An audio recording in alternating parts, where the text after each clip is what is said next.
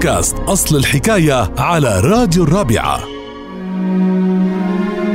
أصل الحكاية لليوم عن مثل مصري وأوضح الأديب المصري الراحل أحمد تيمور باشا بكتابه الأمثال العامية عن أصل حكاية مثل جات الحزينة تفرح ما لقتلهاش مطرح وبترجع قصة هالمثل الشعبي الشهير لإحدى القرى العربية اللي كان فيها عائلة كبيرة تشتهر بالكرم وحسن الضيافة وكان لقب هالعائلة تفرح. وكان عندهم بنت فائقة الجمال وبتعرف بحسن خلقها وتدعى الحزينة. وبأحد الأيام نزل شاه بندر التجار اللي اسمه مطرح إلى هذه القرية ونوى أنه ينام ليلة فيها على أن يستكمل رحلته باليوم الثاني. فما كان من أهل القرية إلا أنهم وجهوه ونصحوه بالذهاب إلى بيت تفرح لكبر مساحته واستيعابه للضيوف والقدرة على حسن استقبالهم. وبعد ما وصل على البيت رأى بنتهم الحزينة. فعجبته كثير وقرر إنه يخطبها لابنه اللي اسمه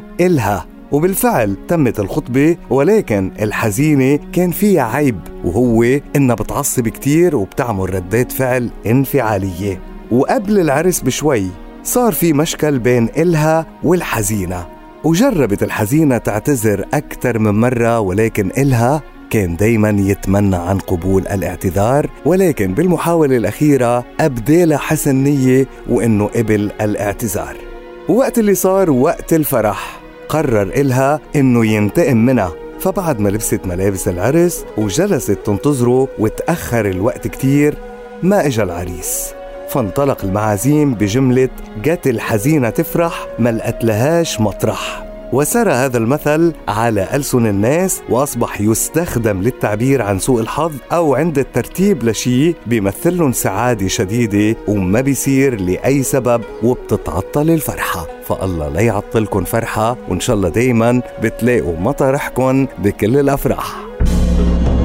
لتتعرفوا على مزيد من أصل حكايات الأمثال تابعونا على بودكاست الرابعة أصل الحكاية.